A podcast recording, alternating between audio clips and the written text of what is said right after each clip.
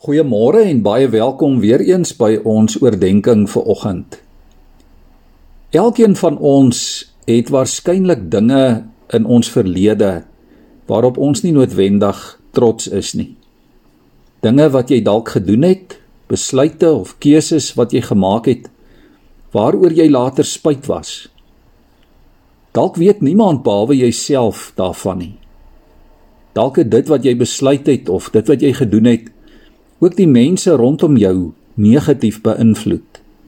Dalk het dit 'n spoor van verwoesting agtergelaat. En dalk word jy op 'n een of ander manier vandag baie dae en jare later daaraan herinner.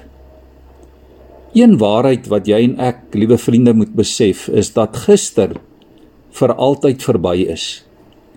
Ons kan niks aan gister en aan die verlede verander nie.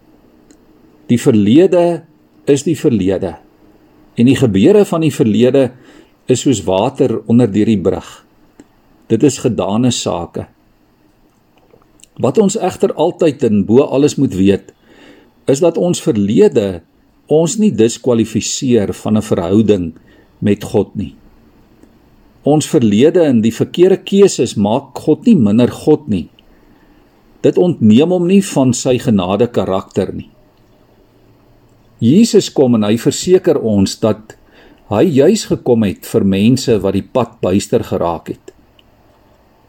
Die lewens van Petrus en Thomas en Saggeus en Paulus en duisende ander deur die eeue getuig daarvan dat God spesialiseer in tweede kansse.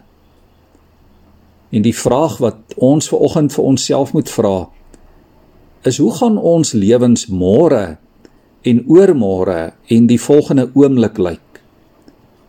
Wat is ons prioriteite vir die toekoms? Waarop vertrou ons? Waarop bou ons ons lewens? Wat is dit wat ons najag? Wat is dit wat die lewe hier en nou vir ons sinvol en betekenisvol maak? Ja, ons kan ons losmaak van dit wat agter is en ons uitstrek na dit wat voor is. Ons kan God se droom vir ons lewe najag. En dit is die uitnodiging vir oggend. Kom ons kies vandag en elke dag opnuut om ons lewens volgens God se woord te leef en om dinge op God se manier te doen. Laat God se wil die roetekaart vir ons lewe word. Hy laat alles ten goeie meewerk, sê die woord vir mense wat hom liefhet. Jy kan weet jou toekoms is in sy hande. In Markus 2 vers 17 sê Jesus: Ek het nie gekom om mense te roep wat op die regte pad is nie, maar sondaars. In Lukas 9 vers 62 sê hy ook: Iemand wat die hand aan die ploeg slaan en aanhou omkyk na wat agter is, is nie geskik vir die koninkryk van God nie. Kom ons wees mense wat vorentoe kyk en vorentoe leef. Vrygekoop, vrygespreek deur die bloed van Jesus. Kom ons buig ons hoofde in gebed voor hom. Here, dankie dat U meer is as al ons gisters. Ja Here, dankie dat gister nie by U tel nie. Dankie dat ons ons oog op die horison kan hou, Here.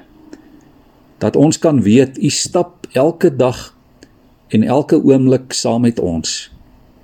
Dankie vir U Gees in ons wat ons laat volhard. Dankie vir U woord as ons roetekaart. Amen.